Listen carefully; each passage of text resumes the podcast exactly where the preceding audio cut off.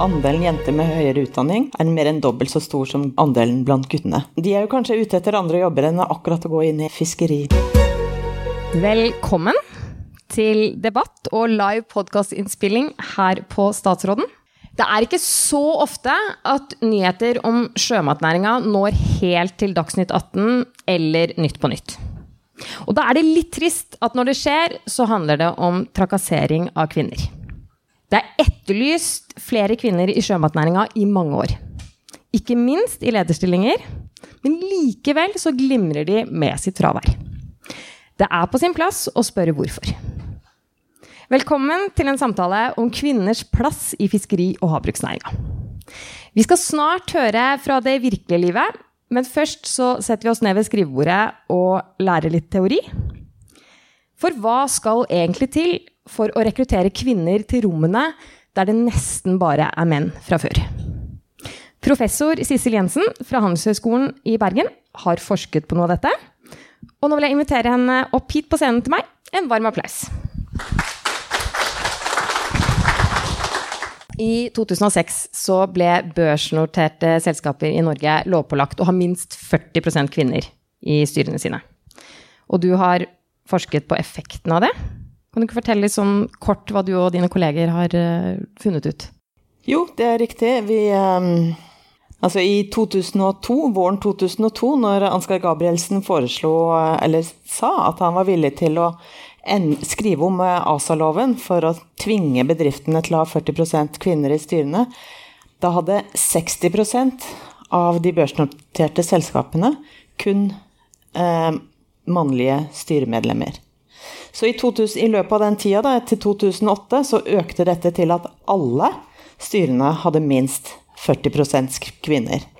Så det betydde at i løpet av en ganske kort tid så måtte de øke andelen kvinner Eh, i disse styrene veldig dramatisk. Fra ca. 4% til 40% Så vi brukte den store og raske endringen til å studere effektene dette hadde for eh, næringslivet, eller for disse bedriftene, som faktisk økte kvinneandelen så voldsomt. Men også for næringslivet mer generelt, for høyt utdanna kvinner, som på en måte er i den poolen som kan havne i styrerommene. Så det første vi gjorde, det var å se på om næringslivets eh, spådommer om at dette ville være en katastrofe, slo til. Eh, men vi visste at det var ikke grunn til bekymring. Og at de kvinnene som ble rekruttert etter, eller både allerede under reformen og etter reformen, faktisk var bedre kvalifisert enn sine kvinnelige forgjengere. De hadde, flere av de hadde en eh, mastergrad i økonomi og administrasjon, de hadde lengre utdanning, høyere inntekt osv. Så, så Men ok, så det er en forutsetning, tenkte vi, for at du skal ha noen effekter eh, utover styrerommene. For der sitter det jo tross alt bare en liten andel, eh, et fåtall kvinner. Så, så, vi så da på i disse ASA-selskapene hvorvidt de rekrutterte flere kvinner i ledelsen, Eh, flere kvinnelige økonomer, eh, flere kvinner med barn i ledelsen, om kvinner generelt klatra raskere i lønnshierarkiene etter reformen. Men der vi, fant vi dessverre ingen effekter. Har du noen sånn teori om hva grunnen kan være til det? Nei, altså det, det Vi har ikke mulighet til å teste hva som er årsaken. Det kan vi ikke teste. Vi kan bare måle effekten. Men altså det kan jo være at styrerommene er jo et, er et stykke fra styrerommet til den daglige ledelsen. Og at det som skal til for at kvinner skal uh, forfremmes, er at, de blir, uh, at det skjer noe i ledelsespraksisen i bedriftene. Og det er kanskje ikke styrerommene Eh, det skjer kanskje ikke der. Pluss at det er jo ikke heller nødvendigvis sånn at kvinner eh, har noen Kvinner har kanskje akkurat de samme kjønnsstereotypiene om hva menn og kvinner er gode til, som menn har. Det viser også forskning at eh, det er ikke sånn at kvinner nødvendigvis ser helt annerledes på hvem som er talentfulle og ikke, enn det menn gjør. Helt sånn grunnleggende, Hvorfor skal man ha et mangfold av menn og kvinner i, på en arbeidsplass eller i en næring? Ja, du kan jo tenke at ja, Hvis du tenker deg sånn at um, f.eks. landbruket for lenge siden, eller for lenge før der igjen, hvor det var liksom bare et begrensa antall individer som kunne ha en jobb, uh, så betyr det egentlig at du går glipp av veldig mange talenter. Og hvis det er sånn at du, du bare kan ha bestemte egenskaper for å gå inn i en jobb, og de egenskapene har ingenting med hvor flink du er, og hvor ambisiøs du er, ja, så går du glipp av talenter. Og hvis du Altså, det er, det er forskning som, som, viser at, um, du kan tenke deg at produktivitet måler jo hvor flinke bedriftene er til å omdanne innsatsfaktorer til produkter. Og forskning viser at det er enormt stor forskjell i produktivitet mellom bedrifter. De aller beste kan være kanskje dob altså få dobbelt så stor produksjon av samme innsatsfaktor som de dårligste. Og hvis du tenker at ja, Det er også ta det litt videre, en gruppe forskere som har sett om har noe, Hva har dette å gjøre med? Selvfølgelig har det å gjøre med hvor mye de forsker, kvaliteten på arbeidskraften og sånn, utdanning og sånn. Men de ser hvor um, Har det en sammenheng med hvor god ledelsespraksis bedriften har? Og de viser at det har for det første at det er en enorm stor forskjell i ledelsespraksis mellom eh, bedriftene i samme næring. Og at det har en stor betydning for lønnsomhet og produktivitet. Ja, det skulle man jo tro at man ja, hadde lyst på. Så hvis du, hvis du, blir bedre på ledelsespraksis, så betyr det antagelig også at du, du er flink til å rekruttere de beste og forfremme de beste av de igjen, og beholder de beste. Og det er uavhengig av kjønn. Talentet er stort sett ikke. Det, det var godt å høre. du, du, var inne på det at det var ikke sånn kjempegodt mottatt uh, i sin tid da man bestemte at man skulle øke kvinneandelen i, uh, i styrene til disse selskapene. Uh, og så mente man da kanskje at det ikke fantes, eller at man måtte uh, ansette, eller få inn noen som ikke var så kvalifiserte. Er, er, hva, hva, kan liksom en mannstung næring da, altså, Hvordan er det man finner disse kvinnene som ikke finnes? Nei, altså Hvis du går helt opp i sånn styrerommene, så er det selvfølgelig sånn at de rekrutterer typisk fra sånn sjiktet under.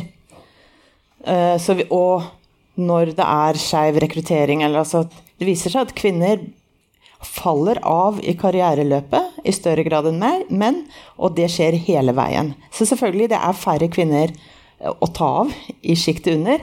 Så det, det, viktige er kanskje egentlig å tenke på hele kjønnsbalanse i hele virksomheten. Mens styrere, altså dette styreloven, det satte jo bare et krav, eller altså tvang bedriftene til å fokusere på et lite antall posisjoner. Og hadde ingen sammenheng for så vidt med hvordan det så ut i resten av bedriften å gjøre. For å få til det, jeg ser jo av de tiltakene som er foreslått f.eks. For nå i en, en, rapport som kom i år om, om, fiskerinæringen, så er det jo nevnt forskjellige. Og så tenkte jeg liksom, ja, er det, hva, er, hva, er, viktigst? Er det holdningsendringer, eller er det lovendringer som skal til? Holdningsendringen er nok viktig. Men jeg bare refererer til den der studien over disse med ledelsespraksis. Så viser de da at god, god ledelsespraksis er korrelert med resultater. Og så spør de samtidig, dette er fra en survey, om eh, ledelsen, eller lederen, om hvor høyt han vil score seg selv på ledelsespraksis. Og de fleste scorer seg selv godt over gjennomsnittet. og det viser seg at det er heller ingen eh, sammenheng med hvor godt de faktisk scorer. Så det har sikkert noe med at det er antagelig mange som ønsker og gjøre det bedre enn de gjør det, men det er ikke nødvendigvis så lett å vite akkurat hva de skal gjøre.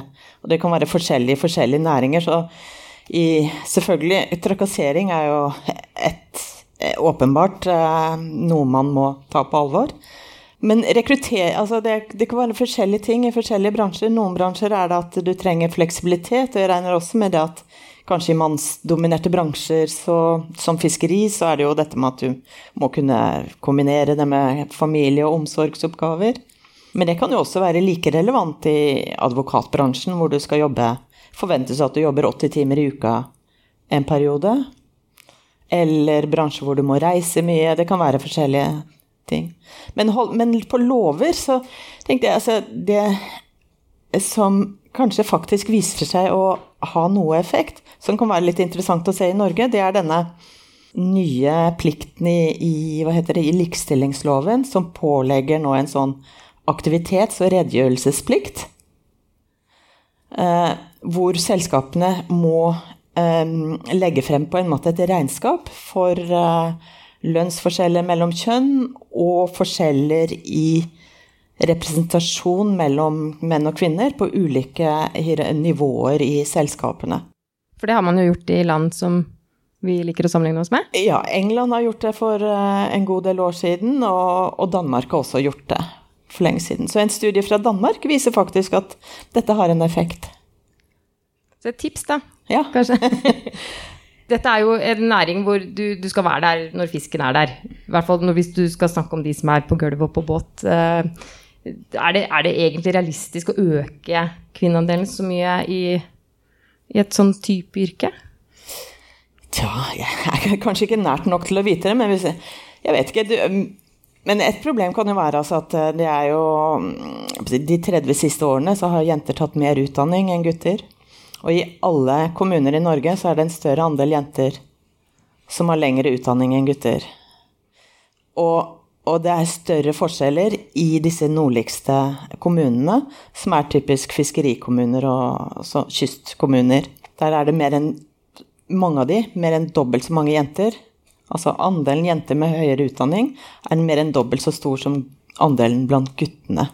Så de er jo kanskje ute etter andre jobber enn akkurat å gå inn i fiskeri.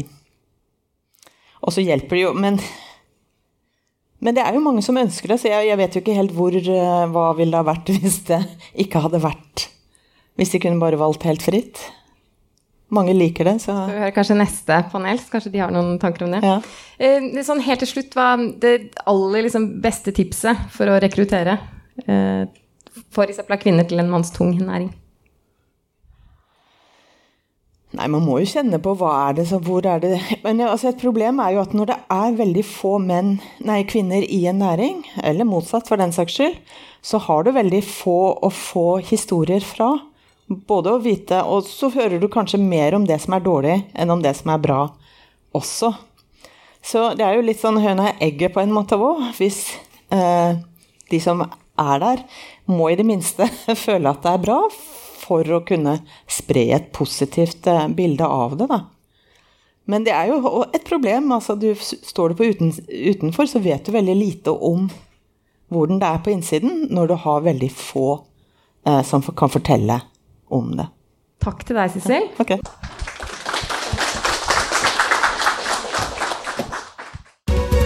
Så det, det, var hele tiden mange ting som gjorde at man ikke kunne ha kvinner om bord, helt til man fikk en kvinne om bord. Dette var siste del av høstens Sjømatpulsen, og egentlig en intro til forrige podkast. Den podkasten må du med andre ord få med deg. Du finner den der du vanligvis finner podkaster.